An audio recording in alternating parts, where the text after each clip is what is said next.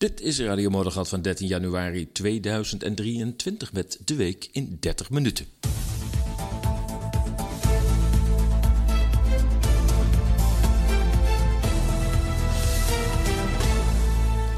Ja, we gaan het dit keer anders doen. Een hele goede middagavond, uh, nacht, wanneer je ook luistert en waar je ook luistert. Dit is de, de vernieuwde Radio Moddergat. Het slechte nieuws is, duurt maar een half uur. Het goede nieuws is, het is nu iedere week. En dat is om de actualiteit bij te houden. Want er gebeurt zoveel dat uh, ik dacht, ik knip het in twee, maar wel een uh, wekelijkse uitzending. Korter, dat wel. Uh, in deze uitzending, de week in 30 minuten, in ieder geval natuurlijk de wet publieke gezondheidszorg. Wat een draak van een wet wordt hier voorbereid. Uh, ja, is de pandemie uh, trouwens in Duitsland al voorbij? Zijn ze al van die mondkappen af? En dan natuurlijk de obsessie met de macht van Mark Rutte. Een leuk artikel in de Volkskrant gelezen. Uh, en de auto mag straks maar maximaal 100 maal van wijk 1 naar wijk 2 in het Engelse Oxford. En wat dacht je van een nieuwe Russische generaal in Oekraïne? Ja, dat is wel een teken. En misschien dat we nog meer onderwerpen kunnen behandelen. Maar in ieder geval, dit is de week in 30 minuten. Uw overheid ontspoort. De WPG, de Wet Publieke Gezondheid, is een greep naar de macht DDR-stijl. Jawel. Deze maand wordt een zeer belangrijke wet behandeld in de Eerste en Tweede Kamer. De Tweede Kamer is die al behandeld en al uh, aangenomen. Met uh, mijn grote verbazing dat dat dat dat zomaar kon uh, gebeuren. Dat, uh, ja, ik vind dat Tweede Kamerleden gewoon niet goed hebben nagedacht over wat ze nou precies hebben aangenomen.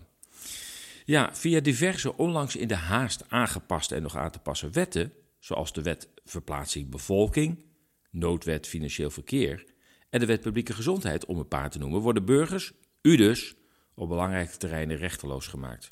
Ongelooflijk? En toch is het zo.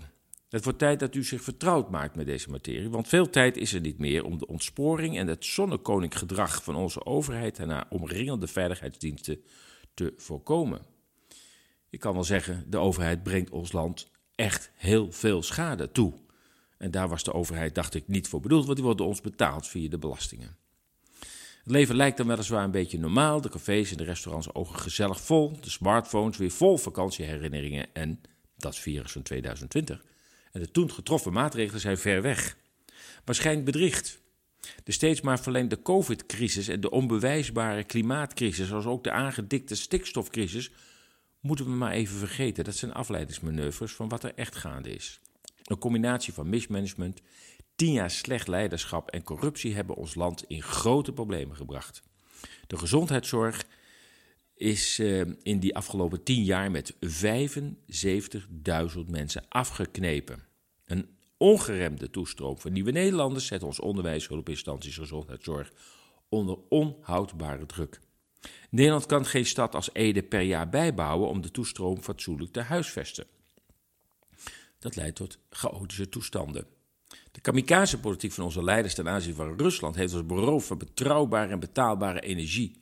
De weigering om eigen aardgas op te pompen om de energietransitie met geweld af te dwingen, heeft ons nog verder in de ellende gestort. We zijn een oorlog ingerommeld met een buurman die ons tot voor kort betrouwbare olie, gas en andere grondstoffen leverde. Inderdaad, de meeste problemen zijn willens en wetens veroorzaakt en daarom ontbreekt de wil om deze op te lossen. Dat zullen we zelf moeten doen. Momenteel bereidt de overheid zich voor op burgerverzet. Repressieve wetten zijn in de maak of bestaande in repressieve wetten omgezet. Boeren laten hun land, hun huis, hun bestaan niet zomaar afpakken. Veel burgers zijn de overheidscensuur meer dan beu. Ook de schaamteloze leugens en chantage van de overheid rondom de prikken hebben veel wonden in de bevolking geslagen. Het vertrouwen in de overheid is tot historisch dieptepunt gedaald. De censuur op vrije meningsuiting wordt steeds heftiger. Wie kritiek heeft op de overheid wordt door een van de veiligheidsdiensten in de gaten gehouden, want dat noemt de overheid een anti-overheidsextremist. Inderdaad, wellicht herkent u fragmenten uit de DDR-geschiedenis, want ook Nederland heeft een staatsveiligheidsdienst die niet u tegen de staat beschermt, maar de staat tegen u beschermt. En nu die wet publieke gezondheid. Een actueel voorbeeld van een angstaanjagende wetgeving. de wet publieke gezondheid, oftewel in de volksmond ook al de permanente pandemiewet genoemd. Ik verwijs je voor de lange inhoud naar uh, het gelijknamige artikel op uh, ezas.nl. Uw overheid ontspoort, de WPG greep naar de macht, DDR-stijl. Daar leg ik uit wat er allemaal gaat veranderen, waarom we deze wet absoluut niet moeten willen. Sterker nog, waarop, waarom deze website, of waarom deze regeling absoluut, deze, deze wet absoluut overbodig is. En eerlijk gezegd denk ik dat die wet met heel andere doelen worden aangenomen. Ook in andere landen zie je dit soort repressieve wetten aangenomen worden. Ik denk dat, uh, ja, misschien wat somber, maar dat we ons toch moeten voorbereiden op wat uh, roerige tijden. Uh, en dat deze pandemiewet met, met, met, met heel veel Ehm, ja, restrictieve maatregelen erin. We kennen ze inmiddels, we hebben mogen oefenen. Hè. U weet het wel, mondkapjes op afstand houden, thuis blijven.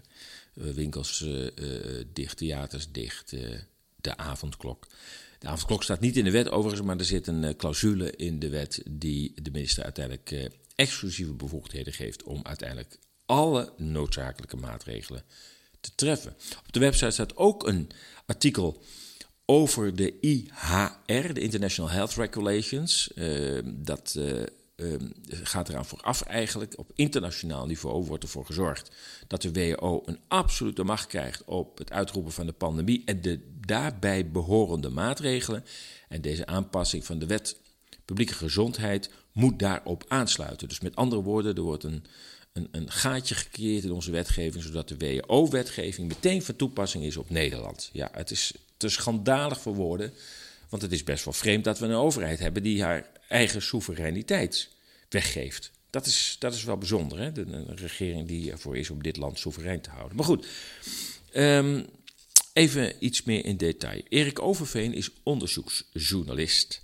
Zijn grote onrust over een combinatie van de WPG en de aanpassingen van de International Health Regulations van de WHO hebben hem aangezet zichzelf een maand lang op te sluiten en goede studie te maken van die WPG. Het stemde hem allesbehalve gerust. Hoe verder hij las, hoe groter de zorgen over onze democratie. Er is nu een wet in de maak die uw burgerrechten onstelbaar zal inperken. Elke griep kan worden aangegrepen om uw bewegingsvrijheid te beperken. We kennen de maatregelen al. We hebben kunnen oefenen. De mondkap, afstand houden, verplicht thuis blijven, testen, inentingsdruk uitsluiting middels QR-code en de niet in de wet beschreven optie voor een avondklok. Deze wet wordt niet gemaakt voor de bescherming van uw gezondheid. Het lijkt er eerder op dat woelige tijden die voor ons liggen, waarin uw welvaart, bezit en vrijheid bedreigd worden, tot opstanden kunnen leiden. De overheden, ja, niet alleen in Nederland, maken zich op om in dat geval de samenleving in huizen op te sluiten, uit te sluiten, nog meer te censureren en verplicht alsnog in te enten met onbekende vloeistoffen. Al lijkt dat laatste met de kennis van nu onwaarschijnlijk. Misschien vindt u het allemaal overdreven. We hebben ESA's overdrijven niet stel. Hoofd koel houden en bij de feiten blijven. Echter, ditmaal waarschuwen we wel. Wat hier gebeurt is historisch en zal inhoud geven aan de vage term het nieuwe normaal. Een normaal dat uw leven en dat van uw kinderen voor langere tijd ingrijpend zal veranderen. Waar zijn die 75.000 medewerkers gebleven die in de afgelopen kabinetten de zorg verlieten? Waarom zijn er geen bedden bijgekomen? Waarom is er dit jaar weer 5 miljard op de zorg bezuinigd? Waarom wil de regering en een groot deel van het parlement niet weten waarom Nederland en talrijke andere landen kampt met uitzonderlijke oversterfte? Mensen die plotseling dood neervallen, vooral jonge mensen. Waarom wil de regering talrijke hartfalen en uh, heroplevende gevallen van kanker niet onderzoeken? Nee, het gaat niet om uw gezondheid. En deze aan te passen wet publieke gezondheid, die wet bestaat al, maar die wordt drastisch aangepast, die, uh, die gaat helemaal niet over uw gezondheid. Het is ongelooflijk dat dit gaande is en zoveel het niet kunnen of willen zien. Onze Europese geschiedenis kent meer voorbeelden waarbij de meerderheid niet kon geloven wat zich onder hun ogen afspeelde. Later konden ze het in de geschiedenisboeken lezen. We gaan naar Duitsland. De overheidsviroloog daar zegt: de pandemie is nu voorbij. En dat zegt dus Christian Drosten. Maar inmiddels is er wel veel ruzie over de mondkappen. Want die zijn er nog steeds. Je kunt het niet geloven, maar de Duitsers dragen al meer dan twee jaar medische mondkappen in het hele openbaar vervoer in heel Duitsland. Ja, Duitsland worstelt met dat uh, virus en de regeringsadviseur en viroloog Christian Drosten stelde in december: We ervaren deze winter de eerste endemische golf van SARS-CoV-2. Naar mijn mening is de pandemie daarmee voorbij. Einde citaat. Drosten is hoofd virologie aan het Berlijnse universitaire ziekenhuis Charité. Het schijnt ook het grootste ziekenhuis van Europa te zijn. Ja, Duitsland is de laatste in de rij. Al in de zomer van 2020 keerde een deel van de Duitsers zich tegen de strenge maatregelen die vele aanzienlijke inperkingen van de persoonlijke vrijheden betekenden. In talrijke steden vonden bijna wekelijks demonstraties plaats. In Berlijn vonden in augustus 2020 zelfs twee grote demonstraties plaats, waarbij naar schatting per demonstratie tussen de 500.000 en 800.000 mensen deelnamen. Maar de strenge maatregelen bleven. Duitsland is momenteel het laatste land in Europa dat een draagplicht van mondkapjes heeft in het openbaar vervoer en bij bepaalde zorgberoepen. Inmiddels is in het Duitse kabinet al maanden een strijd gaande tussen de pleitbezorgers voor handhaving van de draagplicht en zij die er nu eindelijk een keer vanaf willen. De immuniteit in de bevolking zal volgens Duitse virologen na deze winter zo breed en krachtig zijn dat het virus in de volgende zomer nauwelijks effect zal hebben. Het enige voorbehoud dat de Duitsers nog maken is een nieuwe sprong in mutaties. Maar dat verwacht ik ook niet op dit moment, al dus Drosten. Ook de intensive care arts Christian Karakianidis, als ik het goed uitspreek, die ook lid is van de Corona-expertraad van de federale Duitse overheid, ziet geen reden meer tot zorg. Citaat: Ik verwacht dat de pandemie nu steeds meer afzwakt. Volgens uh, zal er zeker nog een of ander kleine golfje zijn. Citaat: De immuniteitssituatie van de bevolking is echter solide en er zijn aanzienlijk minder COVID-patiënten op de intensive care afdelingen. Al dus, jawel, Karagianidis. Maar goed, in het kabinet uh, heerst al maanden strijd om de mondkapjesplicht. Coalitiepartijen De Groene en de FDP, de liberalen, stellen verschillende prioriteiten bij eh, de verdere aanpak van het coronavirus. U weet wel, dat eeuwigdurende virus, wat we nog nooit hebben meegemaakt. Dit virus kunnen we oneindig lang oprekken als we alle varianten maar blijven opnoemen. De groene gezondheidspoliticus eh, Janos Damen uh, drong aan op voorzichtigheid voor de winter. Citaat: Op dit moment is er veel bewijs dat de coronavirus nauwelijks meer verandert en de momenteel nog steeds sterke verspreiding ervan uiteindelijk aanzienlijk zal afnemen tegen het einde van deze winter. Einde citaat, vertelde hij de Tagerspiegel. Damen wil de huidige maatregelen dan ook gedurende de komende winter voortzetten. De FDP-voorzitter Wolfgang Kubicki beroept zich op uitspraken van Christian Drosten, de viroloog die ik net citeerde, en ziet dan ook eigenlijk helemaal geen reden meer om de coronabeschermingsmaatregelen door te zetten. En met deze verklaring van Drosten zal uh, citaat, voor elke beperking van fundamentele rechten om het coronavirus in te dammen ontbreken de argumenten. Al dus Kubicki in de Berliner Zeitung. De liberale politicus vindt dat de COVID-jaren geëvalueerd moeten worden. De rol van de media en het RKI, zeg maar het Duitse uh, eh, RVM, het Robert Koch Instituut, moet volgens Kubicki kritisch worden bekeken. We gaan naar Mark Rutte. In de Volkskrant stond een opmerkelijk uh, artikel dat ik toch even onder de aandacht wil brengen. In dit artikel van de Volkskrant van Bert Wagendorp uh, beschrijft hij de fascinatie van Mark Rutte voor de voormalige Amerikaanse president Lyndon B. Johnson. Die leefde van 1908 tot 1973. Meermaals heeft Rutte geprobeerd zijn biograaf, Robert Caro, te spreken te krijgen. En ondanks lukte dat. Rutte, Rutte's fascinatie voor Lyndon B. Johnson zegt veel over zijn bekritiseerde handelswijze. Johnson stond namelijk bekend om macht veroveren en behouden. De lezer van The Years of Lyndon Johnson, het boek over Lyndon B. Johnson, valt van de ene verbazing in de andere. Al dus Bert Wagendorp in de Volkskrant. Johnson manipuleert, intimideert, liegt en bedriegt. En daarmee krijgt hij vaak zijn zin. Hij zou vanwege zijn sociale plan Great Society tegen armoede en racisme Oh, nee, die termen krijgen we nu weer uh, voor onze kiezen.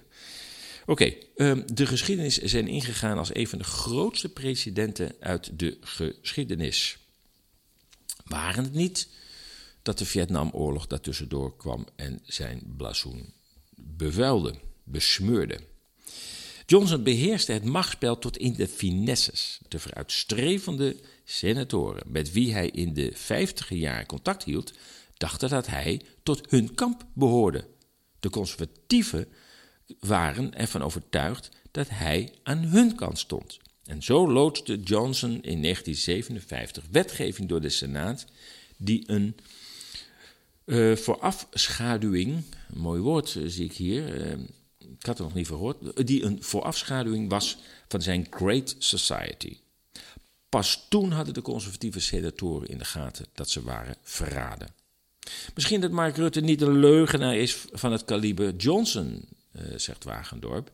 Maar naar mijn mening, en dat is de, niet van Wagendorp, maar mijn mening, beheerst hij wel de kunst van de politieke manipulatie zeker zo goed als Johnson. Of, zoals bij Johnson, hij de verkiezingen heeft gekocht, dat laat ik in het midden.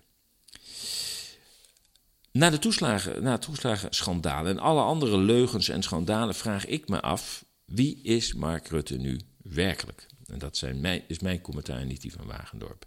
In welke mate is hij een boodschappenjongen van de corporate belangen vertegenwoordigd in het World Economic Forum of de Amerikaanse belangen gebundeld in de NAVO? En vooral, waarom durft niemand meer aan de positie van Rutte te tornen? Macht corrumpeert, zoveel is duidelijk. Weinigen die tegen langdurig verblijf aan de macht eraan ontsnappen. Het wordt tijd dat een persoon die de positie van premier uh, bekleedt, maximaal dat twee perioden van vier jaar kan doen. Dan is het wegwezen. En dat geldt zeker voor Rutte. Steden. Steden willen het autoverkeer sterk gaan beperken. Dat is op zich niet nieuw. Al jaren wordt het autoverkeer in grote steden afgeremd. Met onder andere het concept 15 minuten stad wordt met de zero carbon emissions als reden ditmaal het autoverkeer op onorthodoxe wijze ingeperkt. Met het indelen van de stad in wijken, waar buiten maar een aantal keren per jaar met de auto mag worden gereisd, komt de vrijheid van gaan en staan voor het eerst echt in gevaar. De Engelse stad Oxford heeft plannen bekendgemaakt om de stad in sectoren op te delen. Reizen naar een andere sector per auto mag dan nog maar voor 100 maal per jaar. Het beperken van het autoverkeer is overigens niet nieuw hoor. Al decennia wordt het geroemde, nee, het groeiende Hagenpark in binnensteden beperkt. De mix aan maatregelen van hogere parkeergelden, parkeerverboden, vergunningenstelsels, aanleg voetgangerszones is de auto al langer geen geziene gast meer in de steden. In de stad Groningen ging al in 1977 het toen sterk bekritiseerde verkeerscirculatieplan in werking. Het plan hield in dat de binnenstad in vier sectoren werd ingedeeld waartussen geen autoverkeer mogelijk was. Wie met de auto van de ene naar de andere sector wilde, moest, en nog steeds overigens, via een binnenring. Fietsers daarentegen kregen vrij baan en betere fietsroutes. Met de beperking van CO2 als argument gaan veel steden de komende jaren het reizen per auto nog veel drastischer beperken.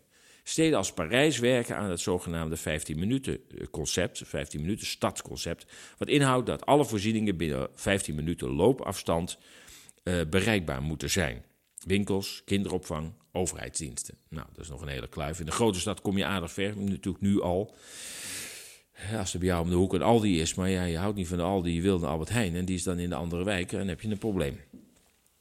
Uh, dus je hebt de fiets gehad. Met een ambitieus verkeersplan zet het 150.000 inwoners tellende Engelse Oxford de aanval in op het autoverkeer. Waar Groningen het verkeer onbespied omleidt, gaat Oxford het reizen tussen stadssectoren monitoren. Daarvoor zal de stad in zes sectoren worden opgesplitst. Tussen de sectoren zullen detectieportjes worden geplaatst die het kenteken registreren. Automobilisten mogen wel naar een andere sector, maar maximaal 100 maal per jaar. En wie daar overheen gaat, krijgt een boete van 70 pond. Volgens de gemeente moet in het centrum gekeken worden naar opties die de beperkte ruimte op de weg kunnen vrijmaken om plek te creëren waar bussen snel, betaalbaar en betrouwbaar zijn, waar mensen kunnen wandelen en fietsen in een aangename en veilige omgeving en waar hoog vervuilende onnodige individuele autoritten beperkt worden, zoals emissievrije bussen, taxis, bestelwagens de norm zijn. En datgene en diegenen die essentiële ritten met de auto moeten maken, dit zonder congestie kunnen doen. Einde citaat. Concreet stelt het plan drie doelen van dit, uh, dit concept voor. Dat is reducering van 1 op de 4 autoritten in 2030, een CO2-vrij transportnetwerk rond 2040 en nul of zo weinig mogelijk verkeersongevallen tegen 2050. En die laatste toevoeging met die laatste toevoeging is een reden gegeven om elektrische, ook, ook elektrische auto's geen vrijstelling te geven. Want ja, het gaat dus om verkeersongevallen. En met een Tesla kun je net zo goed iemand ondersteboven rijden als met een, uh, een oud dieseltje. Dus uh, ik ben heel benieuwd of het echt wel gaat over CO2. Want met die laatste doelstelling zullen ook de elektrische auto's eraan moeten uh, geloven. Want um, voor zover ik dat kan overzien in die regeling is er geen, auto, geen ehm, uitzondering gemaakt voor elektrische auto's. Misschien komt dat nog, maar nu heb ik dat er niet in kunnen ontdekken. Nou ja, hoe dan ook, de stad wil het elektriciteitsverbruik namelijk ook nog eens met 40% terugdringen. Met 40%. Dat betekent dat die stekkerauto's, ja, ik weet niet hoe dat gaat. Maar als je de hele, auto, hele stad vol hebt met stekkerauto's, dan krijg je het elektriciteitsverbruik echt niet met 40% naar beneden. Dus er zitten een aantal doelstellingen in die eigenlijk betekenen dat de hele mobiliteit teruggebracht zal moeten worden. Ook die van de elektrische auto's. Goed, of, of schoon het plan zegt het aantal individuele autoritten te willen beperken, maakt het plan ook geen uitzondering voor carpoolers. Ook auto's met vier personen zullen niet worden uitgezonderd, voor zover het er nu uitziet. Misschien dat er nog amendementen zullen komen, volgens nog wordt daar geen uitzondering voor uh, gemaakt. De gemeente zegt in, uh, in zijn informatie Citaat, er zullen grote uitdagingen zijn voor onze ambities. Het vereist snelle, vergaande en ongekende veranderingen in alle aspecten van de samenleving. En een sterke leiding van de nationale overheid. Maar we ervaren een moment in de tijd waarin ons tempo van leren en onze honger naar verandering snel is. We hebben nieuwe vaardigheden aangenomen oftewel het digitaal werken tijdens de COVID-pandemie. En de manier waarop we leven en werken aangepast. Het is deze vindingrijkheid die we zullen gebruiken als, de, als we de klimaatnoodtast. Nee, sorry, ik, wist niet eens het woord bestond. Als we de klimaatnoodtoestand. Let op, noodtoestand, daar kun je ook wetten op baseren, uiteraard. Als we die gaan aanpakken, we zullen beter terugbouwen, staat hier. Ah, horen we hier Building Back Better? Voor een koolstofvrije, veerkrachtige economie, sterke gemeenschappen en een gezonde plek om te wonen. De toekomst die wij zullen creëren zal niet gebaseerd zijn op business as usual besluitvorming. Ja, nou ja, of, de oplettende lezer herkent dus het nieuwe normaal mantra in deze tekst. En ook Building Back Better is duidelijk in deze tekst onverhuld terug te vinden. Mensen zouden volgens deze tekst dus nieuwe vaardigheden hebben aangenomen. Een toch hele duidelijke verwijzing naar het door lockdowns afgedwongen thuiswerken en het hebben van digitaal en dus controleerbaar contact met collega's en vrienden. Je gaat haast denken dat COVID bedacht is om deze radicale maatschappij te kunnen realiseren, of beter gezegd, door te kunnen drukken. We gaan naar Oekraïne. Gisteren zag ik uh, foto's van het landen van 1275 uh, Amerikaanse legervoertuigen, waaronder tanks, licht, lichte tanks schijnt dat te zijn, uh, in, in Vlissingen. En die dan door Nederland en Duitsland vervoerd worden naar Polen. Ja, waarom dat overigens gebeurt, hè, dat het hier aan land moet komen en niet gewoon in de Poolse haven Gdansk aan land gebracht kan worden, is mij een raadsel. Misschien is het ook een kwestie van een stukje intimidatie. Van hou er rekening mee, jullie horen ook bij de partij. En uh, ja, de Amerikanen zijn altijd wel heel slim om uh, een zogenaamd een coalitie te vormen. Oftewel mensen, staten in dit geval, landen, mede schuldig te maken aan, aan hun eigen misdaden. En ik vind inderdaad de oorlog die nu plaatsvindt in Oekraïne een, een misdaad. laten we eerlijk zijn, wat de Russen daar nu uitvreten is, uh, is verschrikkelijk en dat moet ook zo snel mogelijk stoppen. Maar onze eigen rol zullen we ook kritisch tegen het licht moeten houden. Maar wat is er gebeurd? Er is onlangs drie maanden geleden een nieuwe generaal aangesteld en daarmee uh, zette Rusland de knop om van een zogenaamde beperkte actie om het oosten af te schermen van de aanvallen van de regering in Kiev en met hulp van, de, van het Vrije Westen, van de NAVO. Nou, het bleek dat uh, de Amerikanen vooral uh, en de Engelsen maar wapens bleven leveren aan Oekraïne. En dat Rusland zei: ja, dit is dan langzamerhand geen, geen gewapend conflict meer. Dit is gewoon een volledige oorlog. En we stellen een nieuwe generaal aan. Inmiddels uh, zijn we weer een stadium uh, verder. De oorlog breidt zich verder uit. Uh, Polen is bezig om een lege eenheid van 200.000 manschappen op te bouwen. Ehm, nou ja, wat ik net zei, de Amerikanen verschepen onvoorstelbaar grote hoeveelheden materieel naar, naar Oekraïne. Ehm, of dat materieel um, geschikt is om tegen het zware materieel van de Russen op te nemen, daarvan zeggen een aantal deskundigen. Nou, het is te licht, het is te weinig. Uh, president Poetin zou onlangs een, uh, een verklaring of een uh, toestemming hebben gegeven voor het mobiliseren van anderhalf miljoen manschappen. En wie de geschiedenis leest, en ik kan blijkbaar lezen de Amerikanen geen geschiedenisboeken, die weet nog hoe dat in de Tweede Wereldoorlog ging. Hè. Duitsland ging ook samen met een aantal andere landen, de, de coalities van de naties, trokken ze Rusland in. En eerst werden die coalitiegenoten door de Russen uh, kalt gesteld. En daarna gingen de Duitsers er zelf aan, want die bleven geïsoleerd achter. Uh, dus de vraag is of dit nou wel zo slim is dat wij die oorlog maar blijven doorvoeren. Want ehm, de Russen krijg je er niet onder. Dat heeft met mentaliteit te maken. Maar zij roepen anderhalf miljoen uh, recruten op. En um, ja, ze wonen dichtbij, hè? dus ze hebben hele korte aanvoerlijnen. Dus het is een totaal zinloze oorlog die ons Europa in zeer, zeer grote problemen gaat brengen. Maar goed, er is dus weer een nieuwe generaal aangesteld, Valery Gerasimov. Daar, uh, dat is ook degene waarop, waarvan Kiev heeft gezegd dat ze inderdaad geprobeerd hebben om deze man te vermoorden.